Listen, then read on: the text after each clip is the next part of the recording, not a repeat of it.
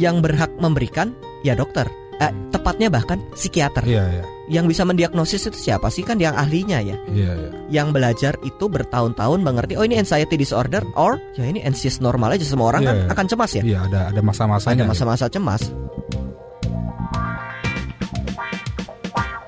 Disko, diskusi psikologi.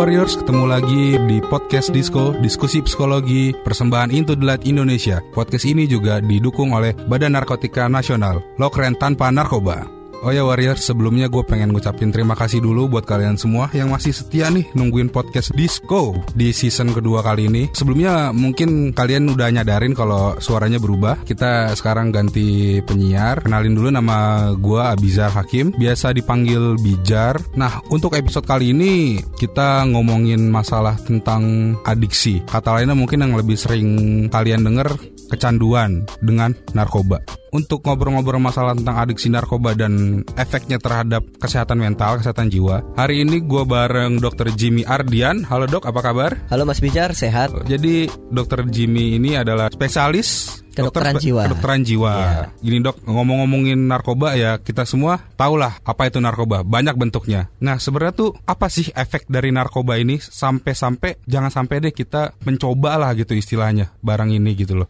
Jadi narkoba itu kan satu istilah untuk banyak jenis zat ya Mas ya. Ada banyak obat-obatan termasuk zat-zat lain yang memang berpotensi menimbulkan kecanduan dan akhirnya kita kelompokkan sebagai satu kata tadi narkoba. Jadi sebenarnya obatnya itu ada banyak. Macam-macam iya. jenisnya macam-macam. Yang terkenal misalnya ada ganja, sabu. Misalnya kalau pil ekstasi Iya, pernah kita dengar begitu. Itu sebenarnya apa sih efeknya? Yang sebenarnya yang terjadi pada tubuh tuh apa sih ketika Ah. kita menggunakan narkoba itu? Ini menarik mas. Jadi banyak memang jenisnya, tapi ada ada kesamaan efek yang dihasilkan. Beberapa zat itu menimbulkan tidak hanya terjadi secara perasaan, tapi sebenarnya yang jika kita telisik lebih jauh, memang sudah ada perubahan struktur di otak ketika kita secara konsisten, secara berkelanjutan gitu menggunakan obat-obatan narkoba ini. Tapi yang pasti memang ada perubahan struktur di otak setelah penggunaan jangka panjang. Ngomong-ngomong yang masalah di otak itu, saya sempat baca juga tuh dok di internet ya di apa sumber-sumber yang bisa terpercaya. Katanya kan di otak itu ada saraf-saraf yang menghubungkan ke hormon-hormon kayak sorotinin, Hmm, adrenalin, gitu-gitu kan. Dan itu katanya efek narkoba itu menggantikan RA fungsi dari hormon itu. Iya iya, yang paling terkenal itu adalah dopamin. Beberapa zat narkoba ini ketika kita konsumsi itu menghasilkan produk dopamin. Iya. Problemnya adalah pada pemakaian ini area otak yang harusnya memproduksi dopamin jadi Tergantikan jadi tergantikan. dan mematikan fungsi otak yang sebelumnya. Ah, ah. yang harusnya dia memproduksi dopamin misalnya satu mili- mililiter. Iya. Sebenarnya satuannya bukan mililiter sih, tapi biar Iya, iya. biar kita nyambung aja ya. Iya. Misalnya harusnya satu mililiter, tapi karena kita pakai nar- si narkoba ini, akhirnya otak jadi nggak memproduksi lagi atau ha- hanya memproduksi sepersepuluhnya misalnya. Dan kita butuh zat ini lagi Iya. untuk memproduksi dopamin yang sebenarnya bisa diproduksi sendiri. Dan mungkin itu juga kenapa orang yang sudah terkena adiksi membutuhkan lebih dan lebih gitu ya. Betul. Biasanya kalau seseorang sudah terdiagnosis dengan kecanduan atau dengan adiksi, dia memang membutuhkan zat dengan jumlah yang lebih untuk Iya. menghasilkan efek yang serupa. Ya itulah sifatnya adiksi. Bedakan dengan begini. Kalau seseorang makan nasi gitu ya Iya, Mas iya. Kan kita makan nasi setiap hari. Iya, Tapi itu kan bukan kecanduan ya. iya kebutuhan. Itu kebutuhan. Iya. Atau kita minum air. Iya. Minum air kan setiap hari, tapi ya itu kebutuhan Iya. bukan kecanduan. Nah, yang kecanduan ini biasanya terjadi peningkatan jumlah. Kalau nasi Kayak terjadi kopi, kayak kopi. Ah, kayak Iya. kopi. Kalau nasi kan jumlahnya nggak bertambah kecuali kita lagi lapar Iya, ya. iya. Atau air gitu, kecuali kita haus dia nggak bertambah. Tapi kalaupun bertambah dia Iya. akan kembali ke Hmm. level biasanya. Nah, kalau terdiagnosis oleh kecanduan ini, Hmm. biasanya trennya akan terus-menerus naik, nggak turun. Bahkan ada kecenderungan kita untuk, ya saya tahu ini adiksi, saya pengen menghentikan tapi nggak bisa Iya. karena kebutuhan untuk naik ini terus tadi. Nah, eh, gimana sih dok narkoba tuh bisa mempengaruhi kesehatan mental seseorang gitu loh? Narkoba itu tadi kan penjelasannya jenisnya Iya, banyak ya. iya. Ada narkotika, ada psikotropika. Narkotika itu sebenarnya yang berasal dari tumbuhan sintetik atau enggak eh, sintetik. Ada yang tumbuhan, ada yang sintetis. Ah, ada yang tumbuhan, ada yang sintetis gitu maksudnya.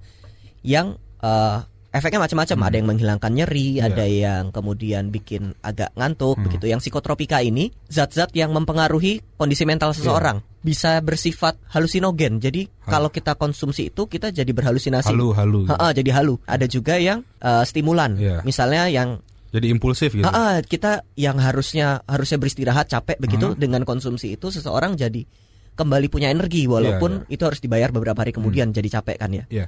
Itu memang mempengaruhi bukan hanya perasaan tapi juga fisik. Yang harusnya bisa ist- manusia istirahat begitu ya Mas. Hmm. Terus kita pakai stimulan begitu Buat doping. buat doping. Iya. Padahal potensi untuk merusaknya itu bukan cuma merusak merusak secara perasaan, tapi struktur otak berubah. Yang manusia harusnya beristirahat malah jadi nggak beristirahat, energi menjadi habis, kemudian mood jadi rusak. Setelah efeknya habis kan moodnya jadi nggak enak gitu ya. Iya iya. Iya. Ini memang perubahan bukan hanya perubahan perasaan, fisiknya juga memang terganggu. Halusinasi pun sama. Itu perubahan pada otak bukan hanya saat digunakan. Padahal itu merubah struktur otak Oh yang iya, itu justru yang dirubah itu ada ada yang dirubah dari ada yang otak. berubah di sana. Jadi sekalipun konsumsinya sudah dihentikan, sudah ada perubahan, udah sudah ada perubahan struktur di sana. Ini yang perlu kita waspadai. Sehingga cara terbaik adalah pencegahan, artinya Iya. tidak mengkonsumsi. Iya. Maksudnya begitu. Kebayang sendirilah gimana sih efek samping dari pengguna narkoba gitu. Oh ya, gue juga mau ngingetin saya lagi nih. Kalau podcast kita kali ini didukung oleh Badan Narkotika Nasional, lo keren tanpa narkoba. Nah dok, saya juga sempat baca juga nih di internet efek yang ditimbulkan dari narkoba bagi psikis itu ada tingkatannya tuh, ada yang level rendah, ada yang men- ada yang menengah, ada yang level tinggi. Mungkin kalau kita menggambarkannya sebagai rendah tinggi kan kesannya yang rendah lebih tidak Oh, apa iya. dicoba daripada yang tinggi. Memang ada ada perbedaan tentang keberbahayaan aktivitas yang terjadi kalau kita mengkonsumsi narkoba. Hmm. Tapi bukan berarti itu adalah hal yang lebih rendah atau lebih tinggi Iya, daripada yang lain. iya. Maksudnya begitu. Misalnya kalau kita menggunakan halusinogen bisa saja ada aktivitas-aktivitas yang kita nggak tahu karena itu kan berdasarkan dengan apa yang dilihat pada Iya, saat iya, itu. Yang tentu mungkin saja sangat berbahaya. Memang ada perbedaan efek yang ditimbulkan dari zat-zat ini. Tapi sebenarnya kesemuanya memiliki keberbahayaan yang serupa. Kalau kita bicara tentang pemakaian jangka panjang. Untuk perubahan struktur otak yang dibicarakan di awal Hmm. tadi itu bukan hanya usaha untuk menakut-nakuti tapi memang terjadi Memang perubahan terjadi kejadian. jadi otak yang ukurannya sekian itu ada beberapa organ yang mengecil karena kita mengkonsumsi. Oh, iya. Harusnya bisa memproduksi zat-zat tertentu, Hmm. zat yang membuat kita senang, akhirnya menjadi sulit membuat kita senang. Bisa dibayangkan bahkan menggunakan misal kita katakan sabu-sabu. Iya. Bahkan menggunakan sabu-sabu satu kali itu sudah terjadi perubahan nyata pada struktur otak. Hmm. Akibatnya adalah kita nyoba sekali menderitanya seumur hidup buat diri pribadi loh. Hmm. Kan rugi kita ya. Iya, iya. Kalau kita bicara jangka panjang sebenarnya kita lebih menderita karena menggunakan ketimbang misalnya kalau orang capek ya istirahat Iya, iya, misalnya. benar-benar. ya beristirahat lah. Karena kalau kita bicara tentang struktur otak kan nggak kelihatan ya. Iya, iya. Kalau orang jatuh berdarah gitu kelihatan, orang langsung menghindari ya. Jangan kan kelihatan, mungkin kita rasain aja enggak gitu ya. Eh, eh, tidak terlintas di pikiran kita bahwa di jangka panjang sebenarnya kita yang sedang menderita karena penggunaan Ah. hari ini. Iya, iya. Karena keputusan yang kita ambil hari Iya. ini bisa jadi 20-30 tahun ke depan ada penderitaan yang harus kita tanggung. Iya. Itu menurut saya tidak tidak layak untuk dikorbankan sih. Iya sih. Terus sebenarnya bagaimana dari kerusakan otak itu sampai merubah perilaku, tingkah laku, kegiatan orang-orang tuh sebenarnya bagaimana sih dok? Ini pertanyaan menarik, Mas. Jarang dipahami bahwa tubuh dan jiwa itu sebenarnya bukan dua hal yang terpisah 100%. Iya, Kita menganggap ya udah ini perasaan, otak ya lain lagi gitu, otak Iya, untuk iya. berpikir begitu. Padahal kenyataannya kita merasa, kita berpikir itu ya adanya di otak. Mungkin pernah kita lihat orang dengan stroke misalnya. Hmm, Ketika terjadi kerusakan otak akibat stroke, perilakunya berubah sebenarnya. Ada yang jadi curigaan, ada yang jadi nggak percaya sama anaknya, ada yang bahkan kepribadiannya berubah. Hmm. Itu memungkinkan terjadi. Itu kalau kita lihat stroke kan Iya, berarti iya. jelas ya, ada sumbatan di pembuluh darah otak tertentu, berubah perilakunya. Narkoba ini nggak kelihatan, mas. parah ya ngeri ya. Itu yang membuat kita miss jadinya. Hmm. Seakan perilaku kita tetap biasa aja. Seakan-akan nggak terjadi apa-apa gitu. Betul, seakan tidak terjadi apa-apa, efek negatif jangka panjang ya jadi bias. Iya. Karena kerusakannya nggak kelihatan. Padahal nggak ada efek positif sama sekali yang lo dapetin di situ. kita sendiri yang sedang dirugikan oleh pemakaian zat tersebut. Sejauh mana perubahan perilaku tergantung sejauh mana kerusakan otak terjadi ketika kita mengkonsumsi zat tersebut. Pada pemakaian-pemakaian jangka panjang, ada orang-orang yang mengalami perubahan kepribadian. Hmm. Yang tadinya ramah, baik, kemudian bisa jadi sensitif, senggol bacok gitu ya kalau bahasa sekarang ya. Itu itu mungkin terjadi, tapi nggak disadari karena Iya, kan iya. perlahan terjadinya ya Hmm. apakah ini layak untuk kita jalani? Karena kalau udah udah sampai sana, kita nggak bisa dengan mudah. Oh aku mau balik gitu ya? balik kaya dulu gitu aku mau balik sehat gitu aku mau balik berhenti nggak semudah itu Mau sembuh gitu loh. itu susahnya bukan main nggak kayak saya batuk nih minum obat tiga hari sembuh gitu Iya, iya. nggak demikian mau nyari hiburan gitu di klub atau di pub ada yang nawarin Hmm. ketika kita nggak aware dengan bahayanya dan memang ketika kondisi mental emosional kita saat itu Drop. sedang drop down. butuh support begitu keputusan untuk mengambil sesuatu yang bernama narkoba ini sebenarnya lebih banyak ruginya ketimbang untungnya untungnya kayaknya nggak ada deh Nggak ya. ada. ada untungnya mas Apa tuh? buat pengedar Ya dari pengguna mah gak ada ya. dari pengguna nggak ada Nggak ada. Nah sekarang gue bakal eh, bacain pertanyaan yang udah ditanyain dari kalian-kalian semua yang ditulis di kolom komentar KBR atau di kolom komentar Instagramnya Into the Light Indonesia. Oke ini pertanyaan pertama dari Ingga Malia. Apakah narkoba bisa menyebabkan penyakit mental seperti skizofrenia skizofrenia? iya Ya. skizofrenia Gimana tuh dok? pemakaian narkoba memang dapat mengakibatkan gangguan jiwa berat. Nah, salah satu gangguan jiwa berat yang paling terkenal itu skizofrenia. Hmm. Tapi apakah itu secara langsung mengakibatkan skizofrenia? Pause dulu nanti dulu. Ada beberapa penelitian memang mengatakan ganja meningkatkan resiko terjadinya skizofrenia pada remaja. Ada penelitiannya. Tapi nanti dulu itu kan satu jenis. Hmm. Tapi narkoba mengakibatkan gangguan psikotik, iya itu banyak. Psikotik itu gangguan jiwa berat, tapi tidak selalu bentuknya skizofrenia. Ah. Bentuknya bisa halusinasi, bisa kepercayaan yang tidak wajar terhadap diri sendiri. Jadi gangguan jiwa kan banyak ya sebenarnya. Hmm. Skizofrenia salah satunya. Yang lebih luas lagi itu psikotik tadi namanya. Kecemasan juga bisa, depresi juga bisa. Memang bergantung sekali dengan jenis obatnya dan cukup individual sifatnya. Jadi ada tapi nggak spesifik. Ada tapi nggak spe- spesifik. Memang mengakibatkan gangguan jiwa, yes. Bahkan kecanduan itu sebenarnya juga adalah termasuk kategori gangguan jiwa. Hmm. Kecanduannya loh. Iya ya. iya. Ha-ha. Pertanyaan selanjutnya nih dok dari Alvia Perwirawan. Oke, Alvia Perwirawan. Dalam beberapa kasus medis ada beberapa jenis narkotika atau narkoba yang sering digunakan sebagai obat. Apakah itu dapat dikatakan bersalah di mata hukum jika membutuhkan dalam do- dalam dosis tinggi? Alfian tadi ya. Iya. Wah, itu pertanyaannya menarik sekali ya, Alfian ya. Karena justru ini juga salah satu yang sering disalahgunakan dari obat-obat medis ya. Betul betul. Jadi ada beberapa obat medis yang eh, berpotensi disalahgunakan. Namanya disalahgunakan kan penggunaannya salah Iya. begitu. Yang keliru penggunaannya yang bagaimana? Yang tidak tepat guna, yang salah sasaran. Misalnya begini, let's say morfin untuk mengurangi nyeri pada pasien-pasien kanker misalnya. Itu nyerinya luar biasa, Mas. Bisa bayangin nyeri kejeduk nggak ada apa-apanya. Iya. Nyeri jempol kelingking kena ujung meja Nyeri, itu nggak ada nyeri apa-apanya. tulang kering kepentok meja? Nggak ada apa-apanya. apa-apa ya? Bayangkan itu terjadi 24 jam sehari, 30 hari sebulan. Parah banget ya Iya, nyerinya ya. iya. Nah, morfin digunakan untuk mengurangi nyeri-nyeri seperti ini pada pasien kanker misalnya. Karena dokter memberi itu sesuai dengan kebutuhan dan Iya. itu nggak apa-apa. Lalu bagaimana dengan penyalahguna nafsa yang kemudian nggak sesuai dengan eh, kebutuhan nih? Iya. Tidak ada jalan lain selain rehabilitasi. Hmm.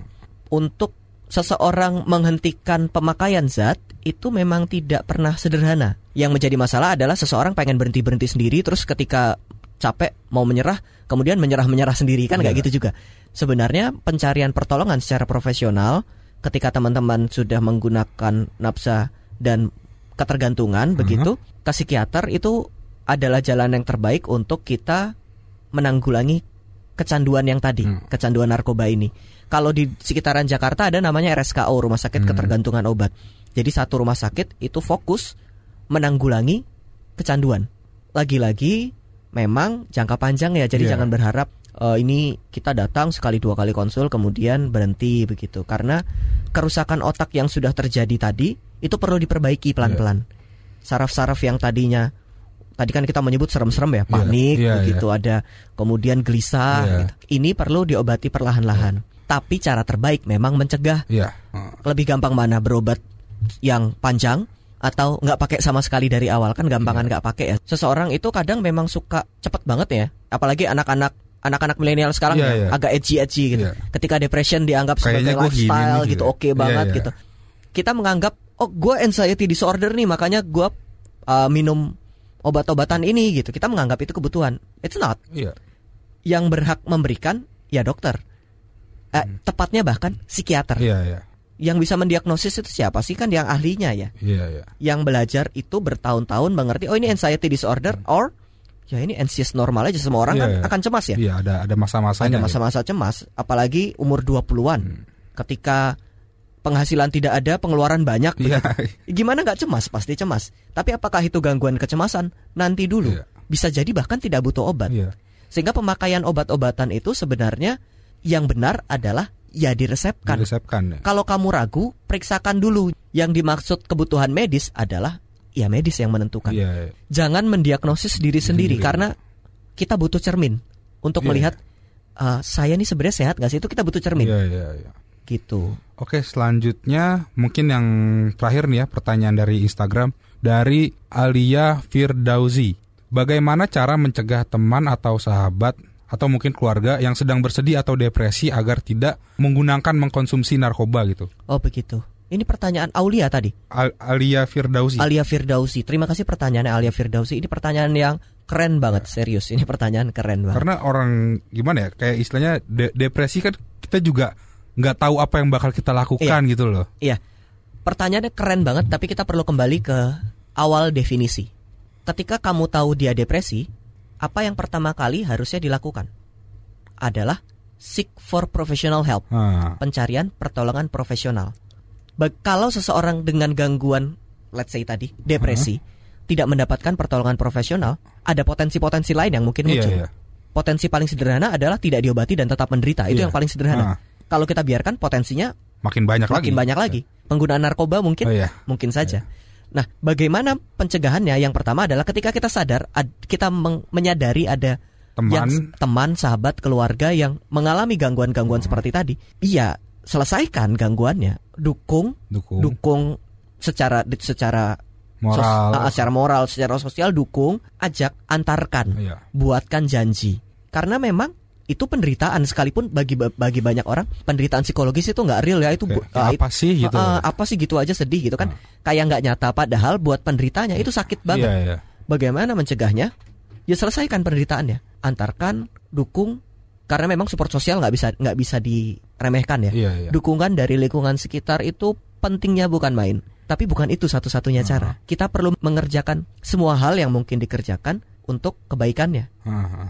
Nggak cuma nyuruh eh, ayo kamu bersyukur gitu ya nggak cuma gitu aja. Atau ayo cuma dukung secara sosial ya nggak nggak Nggak semua. nggak. atau Ah. bahkan ya ke profesional aja kita nggak usah bisa dukung. juga ya? itu juga nggak bisa. Harus semuanya dilakukan secara bersamaan. semuanya dilakukan secara bersamaan. Ya dukung ya tolong ya perhatikan ya dengarkan ya dorong ke profesional antar ajak. Semuanya.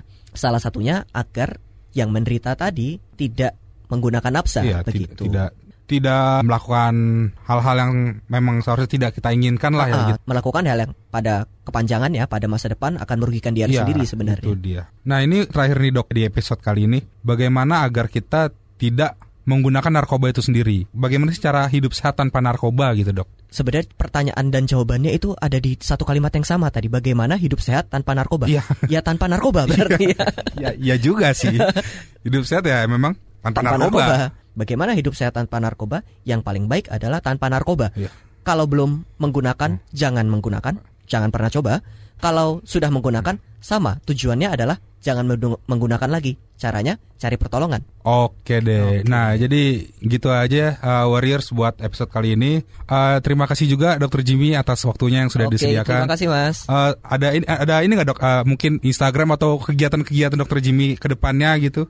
Uh, Instagram saya @jmiardian, Twitter juga sama. Boleh langsung di follow aja. YouTube-nya juga sama. Kadang membagikan hal yang bermanfaat, kadang cuma meme aja. Kadang ngeprank nggak? enggak, enggak, saya enggak suka ngeprank. nah, jadi dengerin terus podcast Disco, diskusi psikologi bersama Into the Light Indonesia, didukung oleh Badan Narkotika Nasional, lo keren tanpa narkoba. Nantikan terus episode-episode berikutnya di kbrprime.id. Terima kasih. Disko, diskusi psikologi.